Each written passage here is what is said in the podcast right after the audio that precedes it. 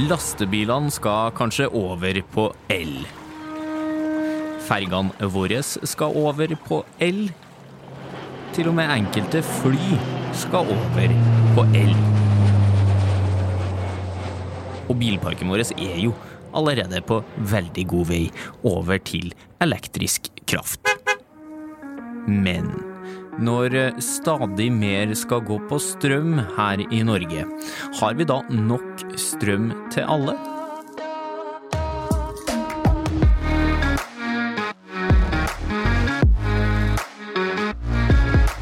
Du hører podkasten Smart forklart med Aksel Faanes Persson. Hjertelig velkommen til en ny episode av Smart forklart, podkasten fra oss i Sintef der du risikerer å bli litt klokere og få litt større tro på framtida for hver eneste gang du lytter innom. I denne episoden skal vi rett og slett prøve å få svar på om det finnes nok strøm til oss alle i framtida, og hvis ikke, hvilke grep må vi ta for å sikre oss at det faktisk blir en stor nok strømpott, nå som samfunnet elektrifiseres mer og mer som en del av overgangen til det grønne skiftet. Og de to som skal gi oss gode svar, forhåpentligvis da, er Eiril Backman Mehammer og Bendik Nybakk Torsæter. La litt press på dere, beklager det, men dere tar utfordringa. Det er klart. Ja, Bra. Hyggelig at dere har møtt opp uansett her i Smart forklart. Eiril, du er forsker på elkraftteknologi i Sintef og jobber mye med elektrifisering av transport. Stemmer det. Og elektrisk transport er også din ekspertise, Bendik. Mhm. Og sånn tittelmessig så er du da forskningsleder i Sintef. Dere, hvor mye større kommer behovet vårt for strøm til å være om noen år? Eh, NVE de anslår at vi vil få en økning på 25% i strømforbruket eh, innen 2040. Eh, og mm, hvis vi ser på situasjonen sånn som den er i dag, da, så er jo nesten 50% av årsforbruket i Norge det, det går til industri og bergverk. Og så er det litt over halvparten som går til andre forbrukskunder, sånn som f.eks. Meg og deg. Uh, og så har vi en liten bit, 1% som går til transport. Oi, det er ikke mer enn det? Nei. og der, det er jo en av de delene av forbruket som vil ha en veldig stor utvikling i de åra som, som, kommer nå. og, og man anslår jo at man vil gå fra kanskje 1% i dag da, til rundt 15-20% innen 2050. Så det er en betydelig økning. Og når det kommer i tillegg til elektrifisering av industri osv., så, videre, så så betyr det mye. da. Ja, så Hvis vi ser for oss et puslespill med 100 brikker, så utgjør akkurat nå altså transport bare én av de 100 brikkene, og så skal det utgjøre opp mot 15 etter hvert, hva det du sa? Ja, 15-20% Ja, Og hva er det da som kommer til å gå over på strøm etter hvert, Eiril? I Norge så, så vi jo først eh, som vi kan kalle for elbilrevolusjonen. Eh, og det er veldig mange av de som kjøper seg en ny bil nå, som kjøper en elektrisk bil. Eh, etter det så, så, begynte elektrifisering av fergene.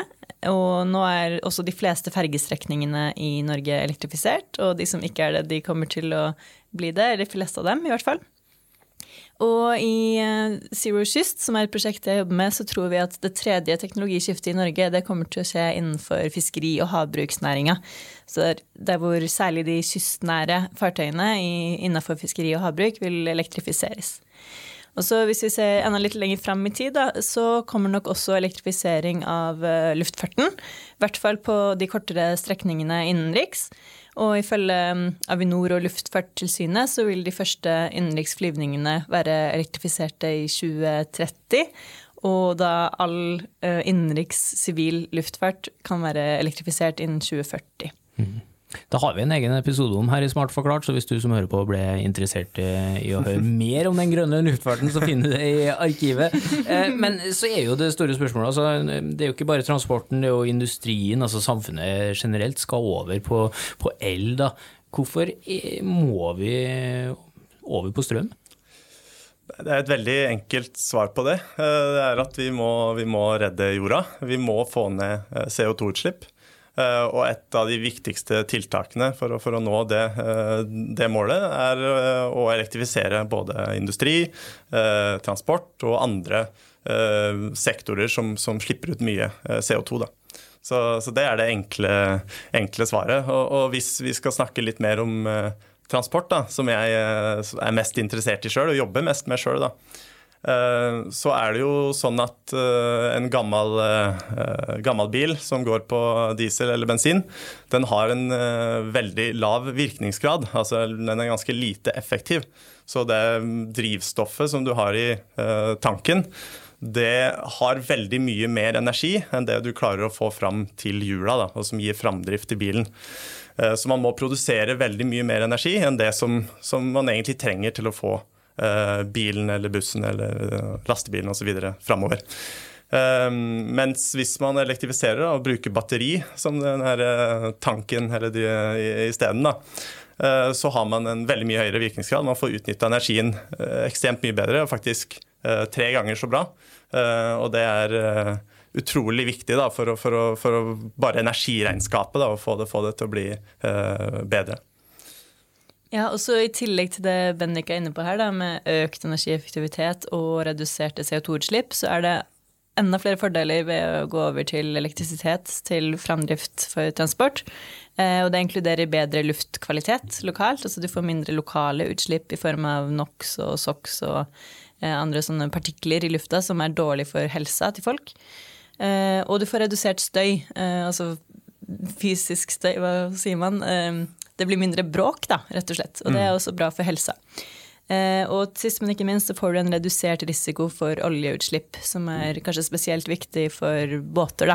Vil, det kan gå utover livet i havet dersom du bruker diesel til framdrift og får et utslipp ut i havet.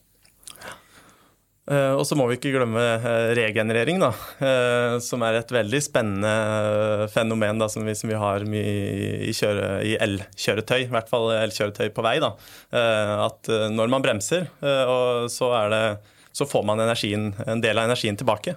Og det, det, det får man jo òg i hybride diesel- og bensinbiler til en viss grad, da, men det er jo det som òg bidrar til å øke effektiviteten. Da. Ja få litt, eh, Sjøl om du beveger deg framover, så får du spart opp litt energi som du rett og slett kan bruke senere på veien. Det er, jo, ja. det er jo genialt. Eh, men har vi nok strøm til alle, da?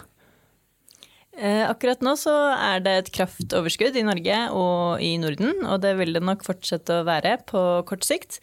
Eh, men det er klart at når alt skal elektrifiseres, ikke bare transport, men også industri, kanskje olje- og gassplattformer, kanskje vi får også ny kraftkrevende industri i Norge, sånn som batterifabrikker og datasenter osv., så, videre, så kan nok det overskuddet bli til et underskudd eh, på sikt, hvis ikke vi gjør noe med dagens situasjon. Mm. Når jeg forventer at vi passerer den der grensa at vi For nå sier akkurat nå går det bra, nå har vi et overskudd. Men når går vi over den grensa der vi bruker mer enn det vi har, da? I dag så har vi et kraftoverskudd i Norge på ca. 15 TWh, og det er nok energi til å forsyne ca. 1 million husstander med strøm i ett år. Så vi har ekstra strøm da, til 1 million ekstra husstander i dag. Men ifølge Statnett så kan vi da allerede ved utgangen av 2026 ha redusert det kraftoverskuddet fra 15 TWh til bare 3 TWh. Oi. Og siden forbruket øker mest sør i landet, så kan det da i Sør-Norge være et kraftunderskudd allerede i 2026.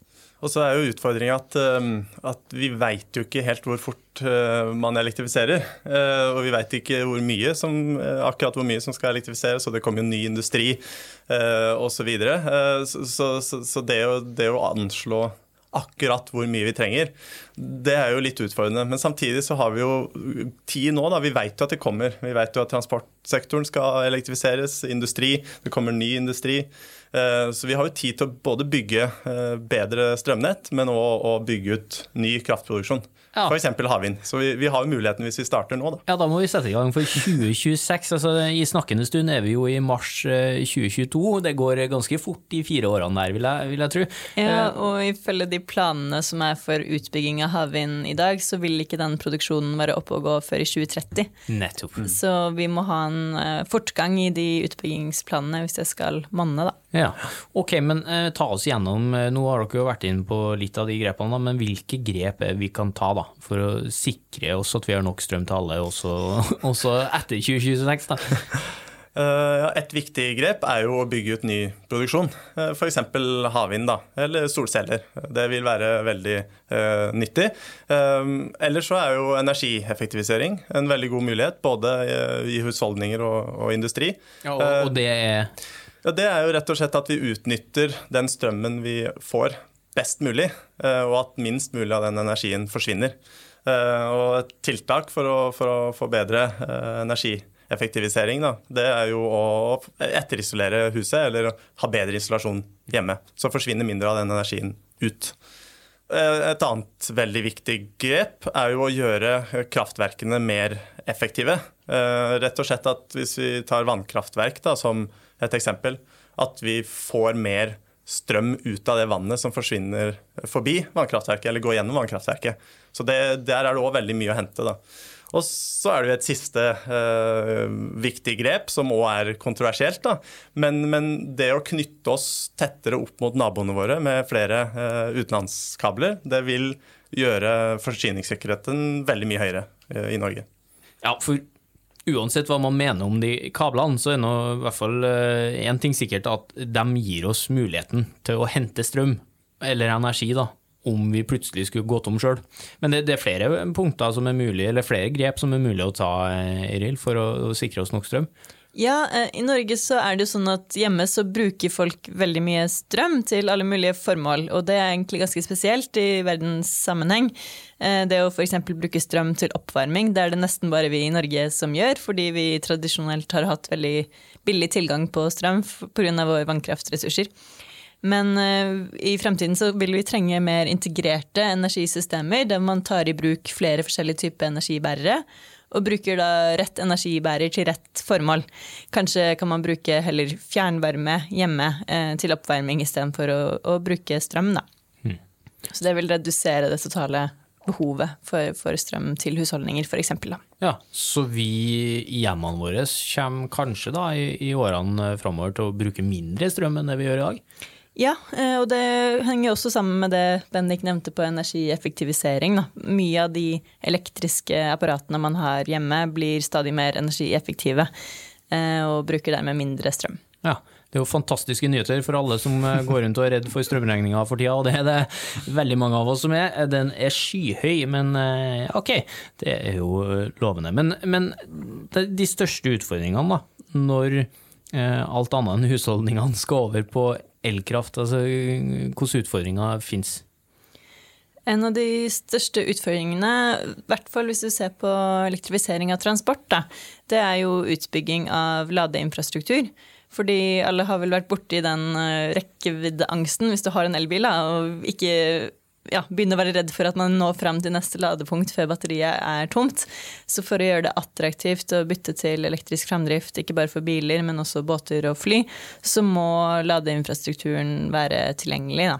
Ja, og så bør det være mange nok til at du slipper å stå i den timeslange ladekøa på sommeren. Absolutt, og de må funke. Eh, ikke ha altfor mye feil, og hvis det er feil, må det rettes så, så fort som mulig. Da. Mm. Har vi nok kapasitet i strømnettet vårt til at det plutselig kommer en økning, eller?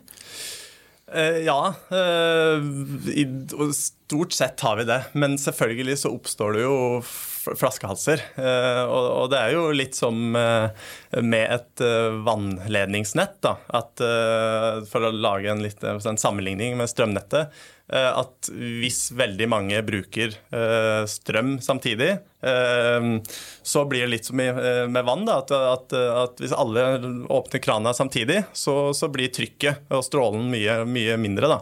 Og, og, det er samme i strømnettet, at spenninga reduseres da, hvis alle bruker, bruker strøm samtidig. Så man får det som kalles spenningskvalitetsproblemer.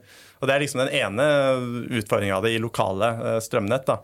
Men i tillegg så kan man jo rett og slett få eh, termiske overbelastninger. Altså rett og slett at det blir altfor varmt, og at, uh, at, man ikke klarer å levere den strømmen som trengs. Og, det kan jo bli branner osv. Så, videre. så, det, så det, det er jo ganske store konsekvenser hvis det er store overbelastninger. Da. Ja, Såpass, ja. Rødglødende eh, strømledninger som henger i lufta plutselig, eller? Ja, det, det, det kan jo Ikke så ille, ikke så, det, det, kan jo, det kan jo bli kan jo bli det i verste fall, da. Men, Ja. men det er lite sannsynlig at det skjer. da. Men at, at man må tenke over det og planlegge strømnettet godt, det er veldig viktig. Ja, og selv om det ikke skulle oppstå brann eller være så ille, da, så vil termiske påkjenninger på komponenter i nettet, sånn som kabler og transformatorer, det vil gå utover levetiden til de komponentene. Sånn at du raskere må bytte de ut. eh, Og det er heller ikke så bra i et sånn energiregnskap, da, å hele tiden bytte ut komponenter. Ja, De blir rett og slett så overbelasta at de blir slitt fortere.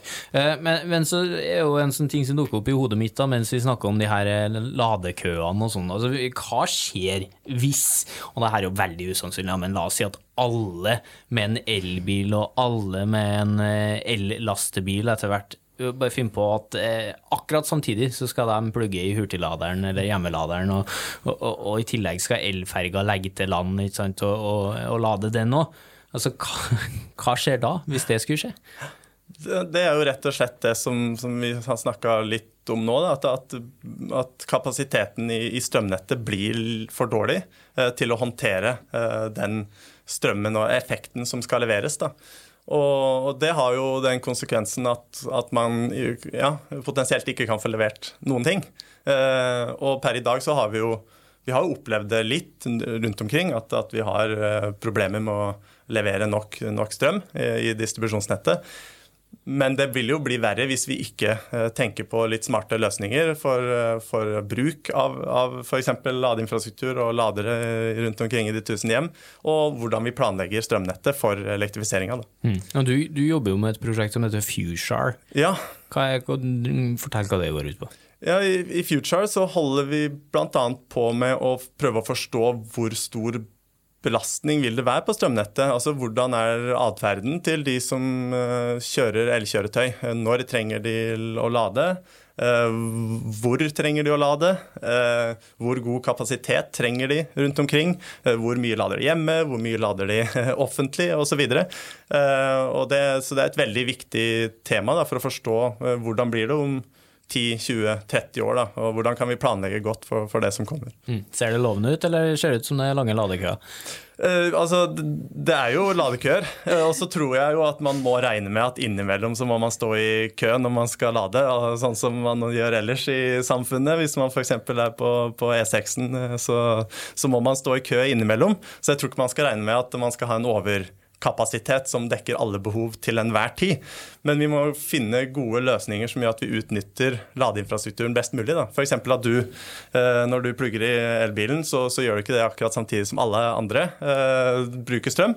Eh, og hvis man skal på en hurtigladestasjon, så kan det jo hende at man har litt fleksibilitet eh, for å unngå at, man, eh, at alle står der samtidig. Så det fins muligheter og teknologi som kan løse de problemene, da, eh, hvis, vi, hvis vi jobber godt sammen. Ja, og det med fleksibilitet er kanskje et nøkkelord her, da. Og det, det ser vi også på når det kommer til skip. At når skip ligger til kai, så har de forskjellige typer energibehov. Altså hvis de har um, batteri som skal lades om bord, så er det ofte ganske fleksibelt akkurat når de trenger å lade det. Med mindre det er en ferge da, som må gå til en viss eh, rutetabell. Men det er mange typer skip som har batterier om bord, og som er ganske fleksible og kan flytte på akkurat når de lader. Men i tillegg til det så har de andre typer energibehov når de ligger til kai, f.eks. lasting og lossing og andre eh, bruk av utstyr om bord som er effektkrevende.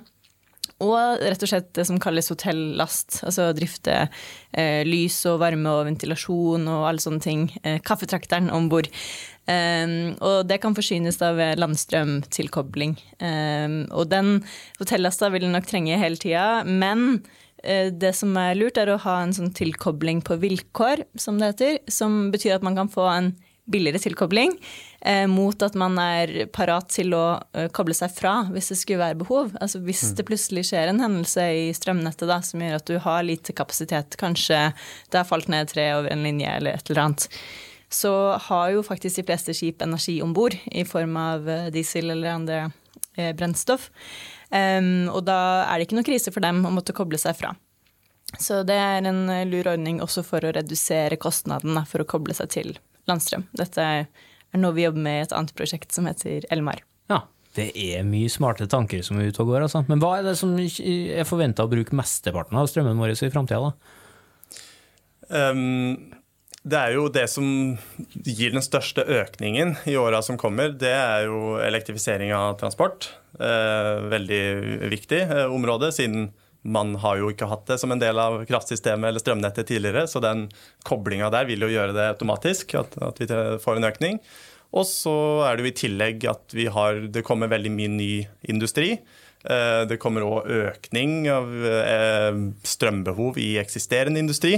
Så, så de delene, og, og potensielt elektrifisering av sokkel osv. Så, videre. så Så så det er, det er, det som vil være det største behovet framover. Ja, samtidig som dere sier at vi reduserer kanskje på hjemmebane den eh, strømbruken vi har der. Da. Og noen har jo allerede tatt grep på privaten for å sikre sin egen strømforsyning, uavhengig av liksom resten av verden og, og, og strømnett og, og leveranser, bl.a. med solcellepanel på taket sitt. og Enkelte har til og med tatt og montert en liten vindmølle. Ehm, eh, hvor viktig blir sånne grep for å eh, Det blir jo en slags dugnad, det da. men altså, hvor viktig blir sånne grep for å sikre at vi alle har nok strøm? Nei, det kan bli ganske viktig, tror jeg. Ehm, det er jo en tiltak som man kan sette inn i løpet av ganske kort tid, eh, og dermed bidra til energisituasjonen lokalt ganske raskt. Mens f.eks. utbygging av havvind er noe som vil ta ganske lang tid, da ser det ut som nå i hvert fall. Så um, det å, at flere produserer sin egen strøm på taket f.eks. med solceller, bra. Men uh, vi vet samtidig at ikke alle nettselskap er superhappy med den løsningen, fordi det går utover kanskje stabiliteten da, i det lokale nettet. Så det aller beste er å kombinere eh, lokal produksjon med lokal lagring av energi, f.eks. For i form av batterisystem. Ja, Så du har en container med et svært batteri som du fyrer overskuddsstrømmen fra solcellepanelet ditt inni, og så kan du tilby det til resten av nabolaget hvis det ja. skulle bli krise, eller bruke av det sjøl, eller du kan f.eks. Sola skinner jo mest på midten av dagen, og da er du kanskje på jobb og ikke hjemme. Eh, så da kan du lagre det i batteri hjemme. Det trenger ikke være en svær container, det kan være en ganske sånn snasen sak som du kan ha på veggen. Heller det. Jeg ser for meg at naboen kommer til å klage. ja, og da kan du bruke den strømmen når du kommer hjem og skal kanskje lade elbilen din eller lage middag, og da får du mye billigere strøm enn hvis du skal kjøpe den i de timene hvor det er aller dyrest. Ja. Og så uh, syns jeg det er viktig å legge til uh, det, altså det er veld, veldig viktig med, med lokal produksjon, og, og, det er noe som, som, som, blir viktig sammen med lagring. Og, men det er ikke sikkert at alle uh, trenger det. Uh, og det vil være veldig mye å hente bare i det å styre f.eks. lading på en smart måte, da, og alle andre typer forbruk i huset. altså Å styre det på en smart måte. Det kan man òg hente mye på økonomisk, da. hvis man f.eks. lader når det er lav strømpris eller Eh, lav nettleie. Eh, da kan man få mye ut av det, og i tillegg hjelpe nettet til å holde god stabilitet og en god, eh, god spenning. Da. Mm. Og så utvikles det jo mange smarte løsninger på flere fronter, altså som, eh, som solcellepanel på toppen av elbiler f.eks. Eh, det har jo begynt å komme i salg nå. Eh, elbiler med det på, på, på taket, som en integrert del av biler. Da. Ser ikke helt dust ut. og, det er jo det snakk om på båter òg. Ja, i, i skipsfarten så ser vi faktisk at fornybar energiproduksjon blir stadig viktigere. Man ser jo at batteri kan ikke løse hele problemet med å kutte utslipp fra, fra maritim transport, fordi noen skip skal jo gå over verdenshavene og trenger ganske store mengder energi. Da. Men hvis de da kan produsere litt strøm selv på veien, så hjelper det. Og i tillegg til solceller så er det også faktisk eh, bruk av vindkraft nå, da. Og litt sånn comeback for seil. Ulike konsepter eh, for seil. Det er det... kult! Alt trenger ikke å være ny teknologi. Vi kan ta i bruk litt gamle, gode grep òg. Ja. ja. Vi seilte jo utslippsfritt uh, før i tida, så ja, er, Men er det altså på svære containerskip f.eks. vurderes det å sette opp seil, altså? Mm, men det er kanskje mest som en støtte, da, ikke for å dekke det fulle energibehovet. Så det vil nok være en kombinasjon av ulike eh, løsninger, som grønne drivstoff eh, i kombinasjon med batteri og eventuelt egen energiproduksjon om bord. Fascinerende. Eh, og, og, så tenker jeg liksom, mens vi er inne på å se på løsninger som kommer, altså i, i, dag så er vi jo vant til å gå ja, f.eks. til stikkontakten, da, hvis vi skal ha tak i strøm til et eller annet. Eh, men hvor lett tilgjengelig kommer strømmen til å være når det eh, etter hvert blir enda mye mer enn det vi allerede har i dag, da, som skal gå på strøm? Um hvis vi går til transportsektoren uh, igjen, da, så, så, så, er det jo Den er jo veldig under utvikling, og ladeløsningene er veldig under utvikling. Uh, og det fins jo allerede i dag massevis av forskjellige muligheter. Altså du kan lade med en stikkontakt, uh, og det jobbes veldig med å utvikle altså trådløs lading, da, induktiv lading. At du kan lade uten å faktisk koble på noe. Du kan lade når du står stille ved å kjøre over en induksjonsplate så, så, får du strøm på den måten. Eller du kan faktisk til og med lade når du kjører, en, uh, uten å være i kontakt med noe. Da. Så det, så det fins mange løsninger. Da. og I tillegg så kan man jo uh, ha uh, tungtransport som kjører med, kjører med pantografer, som, som togene, togene, bruker. Da. Altså at du har strømledninger over Eh, over, eh, over, lastebilen. Eh, så, så det fins veldig mange nye muligheter. da. Batteribytte er jo òg veldig i vinden, så, så man veit jo egentlig ikke helt hva som er framtida. Men det, det, som jeg tror er viktig, og som vi forsker mye på, da, det er å finne ut hvilken type ladeinfrastruktur er det som egner seg best til hvilket formål. Sånn at man lader på smartest måte til, på riktig tid og riktig sted. Ja, og for skip så kan jo det kanskje være å lade offshore. At ikke du må inn til havn hver gang du trenger å lade batteriet ditt, men at du kan lade mens du er ute f.eks. og gjør vedlikehold i en vindpark, eller er ute og fisker. Ah, her hører jeg mange spennende, smart forklarte episoder etter hvert. Jeg sitter bare og noterer meg det. Men, eh, men for å, å, oppsummere litt, da. Eh, dere har trua på at det her går fint, eller at, at vi kommer til å få nok strøm? Ja, det har vi. Eh, men vi må investere mer i forskning, eh, og vi må finne eh, de beste løsningene som gjør at vi får mer strøm, eh, så mye som vi trenger, og at vi klarer å utnytte strømnettet best mulig. Mm. Du er positiv, Eiril? Ja, jeg er jo optimist sånn som Bendik, men det er viktig at vi kommer i gang, at ikke vi somler nå. Da, fordi vi vet at både utbygging av ny fornybar energiproduksjon og oppgraderinger av strømnettet er sånn som kan ta veldig lang tid. Så vi må sette i gang med en gang. Mm. Da har vi slagordet på en caps fra dere. Vi må sette i gang med en gang. Eirin og Bendik, det har vært en fryd å ha dere på besøk i Smart forklart. Takk for meg. Det var veldig moro å være med. Veldig gøy. Takk for oss. Takk for at dere kom innom, og takk også til deg som hører på. Det er artig at det fortsetter å komme innspill fra dere på e-posten vår. Og hvis du som hører har ris, ros eller ønsker til hva vi bør snakke om, så må du gjerne sende en mail du også. Adressen er smartforklart i ett ord. Alfakrøll sintef.no. Og så hadde vi blitt enormt glad da, om du hadde kunne ha tenkt deg og sagt fra til en venn at vi eksisterer, så at enda flere får muligheten til å eh, risikere å bli litt klokere og få litt større tro på framtida. Vi er tilbake med nye episoder om ikke så altfor lenge, og i ventetida fram til da skal forskerne i Sintef fortsette å utvikle teknologi for et bedre samfunn.